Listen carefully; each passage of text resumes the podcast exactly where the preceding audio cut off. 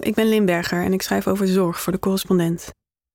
Klimaatverandering en ongelijkheid lijken overweldigend grote problemen, maar ze zijn innig verbonden met de manier waarop ons dagelijks leven is ingericht. Een nieuw boek over ruim 2000 jaar aan sociale experimenten laat zien dat die inrichting anders kan. En beter. Het was 1916 en Alexandra Kollontai zag het helemaal voor zich. In de ideale samenleving, haar utopia, zou het grootbrengen van kinderen niet alleen een taak zijn van het gezin, maar van de hele samenleving. Met betaald ouderschapsverlof, gratis kinderopvang en gratis onderwijs zou de regering alle kinderen van goede zorg kunnen voorzien en gelijkheid tussen mannen en vrouwen kunnen bevorderen, schreef Kollontai in haar pamflet Werkende vrouw en moeder. Omdat vrouwen in zo'n samenleving tijd zouden hebben voor betaald werk, zouden ze minder afhankelijk zijn van mannen. Staatssteun voor gezinnen betekent minder druk op het huwelijk en minder stress in het dagelijks leven. Liefdesrelaties zouden zo worden bevrijd van het juk van afhankelijkheid en torenhoge verwachtingen, en mensen zouden meer tijd kunnen doorbrengen buiten het gezin. In 1917 werd Kollontai de eerste Sovjet-commissaris van Sociale Zaken en mocht ze haar ideeën in praktijk brengen. Ze breidde direct het aantal kinderdagverblijven, kindertehuizen en kraamklinieken uit. Ook maakte ze echtscheiding gemakkelijker en abortus legaal. Pas als mensen vrij waren om te beminnen, zorgen en werken zoals ze wilden, zou de samenleving vrij en rechtvaardig zijn voor iedereen. Daar was Kollontai van overtuigd.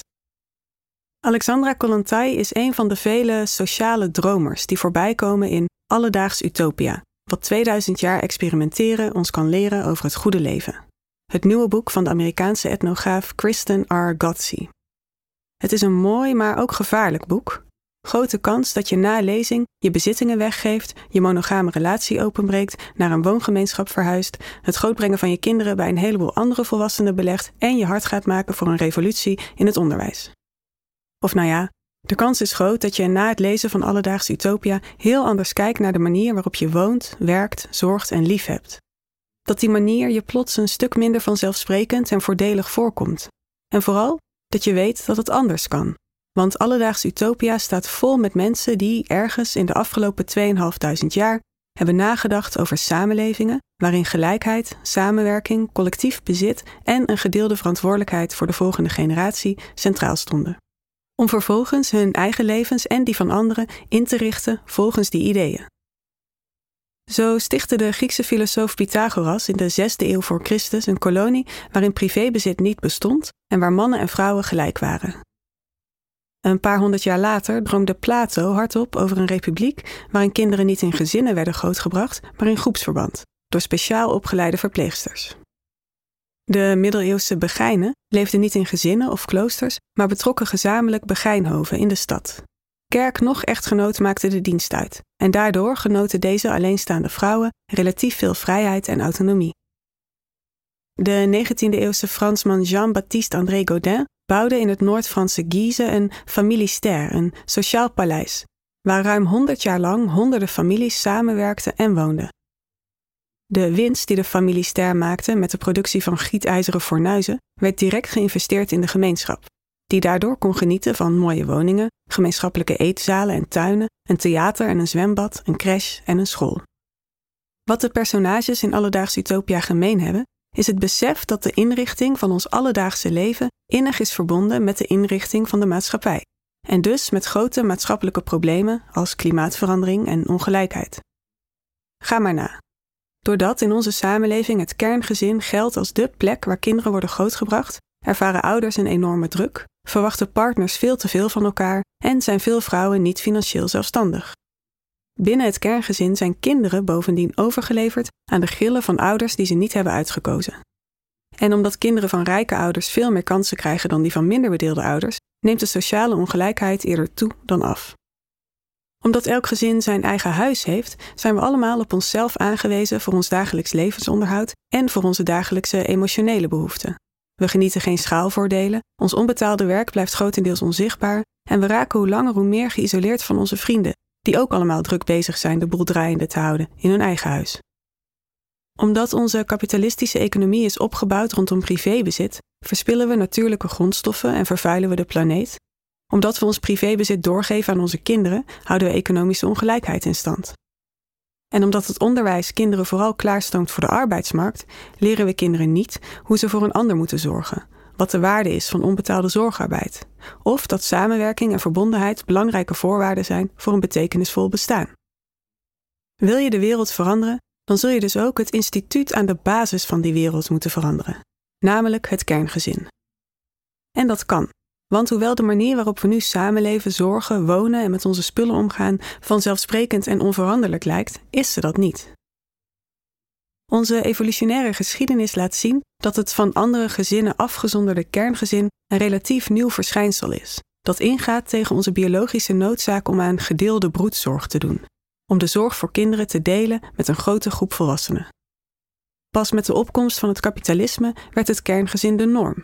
Wanneer de staat niet hoeft te betalen voor de zorg voor kinderen en zieken en ouderen, kunnen de belastingen laag blijven. En wanneer de belastingen laag zijn, kunnen bedrijven meer winst maken. Deze manier van leven is ergens begonnen, hij kan dus ook ergens eindigen. De historische en hedendaagse woongemeenschappen, communes en sociale experimenten die Gatsby opvoert, laten zien dat dat kan. We doen er goed aan die voorbeelden te bestuderen, schrijft Gatsby. Zeker als we zelf ook wel eens dromen van een betere wereld. Niet dat het altijd goed afloopt met de sociale dromers in alledaagse utopia. De katholieke kerk zag de begijnen uiteindelijk als zo'n grote bedreiging dat ze hem begin 14e eeuw als ketters bestempelde. In de familie Ster van Godin hielden veel arbeiders zich niet aan de regels. Ze gooiden hun afval uit het raam, lieten hun kinderen naakt over straat lopen of bezatten zich in de gemeenschappelijke bar. Toen de markt voor gietijzeren fornuizen opdroogde en het verdienmodel instortte, viel ook de gemeenschap uiteen. Alexandra Kollontais utopia was ook geen lang leven beschoren. Na de Eerste Wereldoorlog en de daaropvolgende burgeroorlog was de Sovjet-economie flink verzwakt. Dankzij Kollontai was het makkelijker geworden om te scheiden, maar vervolgens groeide het aantal straatkinderen rap. De staat had niet de middelen om voor al die verweesde en verstoten kinderen te zorgen. En kinderthuizen puilden al snel uit. In 1936 besloot Stalin dat het welletjes was geweest.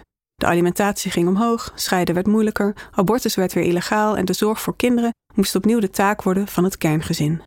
Vrouwen konden immers de staatsbegroting ontlasten door zorgtaken op zich te nemen. Einde oefening voor Kollontai. Niet elke poging was dus succesvol. Maar dat geeft niet, schrijft Gatsby, want van mislukkingen kunnen we leren. We kunnen, schrijft ze, de slechte stukken verwerpen en de goede behouden. Er ging en gaat namelijk ook veel wel goed. Zo blijken vrouwen in woongemeenschappen minder tijd kwijt te zijn aan huishoudelijke taken dan vrouwen in een eengezinswoning. Hun partners dragen ook meer bij aan huishoudelijk werk. Bijkomend voordeel van samenwonen in een woongemeenschap? Boodschappen doen, wassen, koken en schoonmaken zijn in zo'n geval ook echt zichtbaar als een waardevolle bijdrage aan het collectief. Om over de sociaal-emotionele voordelen nog maar te zwijgen. Meer mensen in huis betekent meer mensen om je lief en leed mee te delen en dus minder druk op één partner om alles voor een ander te zijn. Van beste vriend en onbetaald werkcollega tot geliefde. En in gemeenschappen waar mensen hun bezittingen en zelfs hun inkomen delen, blijken bewoners weliswaar over minder economisch kapitaal te beschikken, maar ook over meer sociaal, menselijk en natuurlijk kapitaal, zo rapporteert Gatsby. In alledaags utopia is het kerngezin de steeds terugkerende sta in de weg van hoognodige, grootscheepse maatschappelijke verandering. Daarmee sluit het boek aan bij andere recente titels, waaronder Abolish the Family van Sophie Lewis en Family Abolition van Amy O'Brien, die pleiten voor een afschaffing van dit kwalijke instituut. Maar begrijpt dat die term, afschaffing, veel lezers tegen de borst zal stoten. Deels omdat het gezin voor de meeste van ons zo'n vanzelfsprekende samenleefvorm is dat we ons geen alternatief kunnen voorstellen. En deels omdat het gezin, ondanks al haar beperkingen, voor veel mensen toch ook nog een bron is van liefde, vreugde en betekenis. Als praktisch utopist wil Gatsby haar lezers meekrijgen, en dus kiest zij voor een andere term, verruiming. Ze wil het begrip gezin oprekken en uitbreiden, zodat mensen zelf kunnen kiezen hoe en met wie ze kinderen willen grootbrengen, zodat zorgtaken beter worden verdeeld en zodat mensen vrijer, gelijker en gelukkiger kunnen zijn dan ze nu zijn. Wat ons terugbrengt bij Alexandra Kollontai.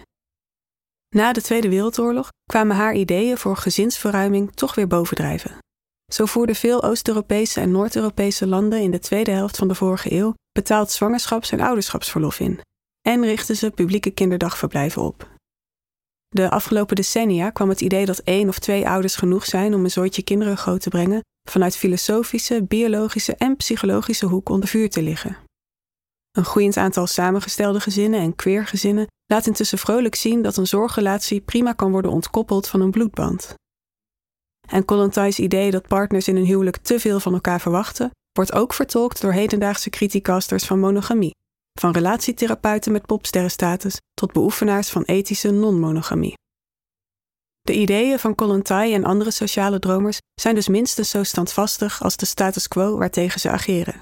Ze kunnen ons helpen onze eigen ideeën over wat normaal, wenselijk en goed is bij te stellen. En met onze ideeën ons gedrag. Want ook als we niet meteen in een commune willen wonen of een polyamoreus experiment op poten willen zetten, kunnen we die ideeën vertalen naar een voor onszelf werkbare praktijk. We kunnen allemaal ons netwerk van liefde en zorg uitbreiden, schrijft Coetzee, en ons daarmee verzetten tegen de systemen die ons onderdrukken en isoleren. En dat hoeft niet meteen gevaarlijk te zijn. Zit je in een monogame relatie? Zorg dan dat je tijd doorbrengt met je vrienden en dat je partner dat ook doet. Ga niet mee in het gospel van privébezit, maar deel je gasmaaier en je auto met je buren. Laat je kinderen tijd doorbrengen met grootouders, ooms, tantes en vrienden.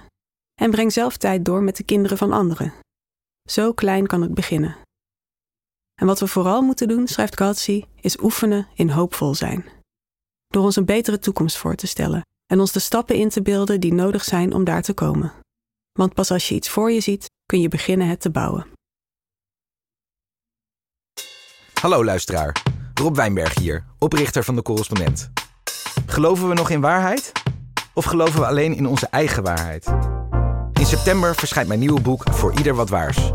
In de weken na verschijning vertel ik in een theatertour door het hele land hoe we allemaal onze eigen waarheid kregen. En hoe we weer tot een gedeelde waarheid kunnen komen. Wil je daarbij zijn? Ga dan naar decorrespondent.nl slash voor ieder wat waars. Of klik op de link in de show notes. Tot dan!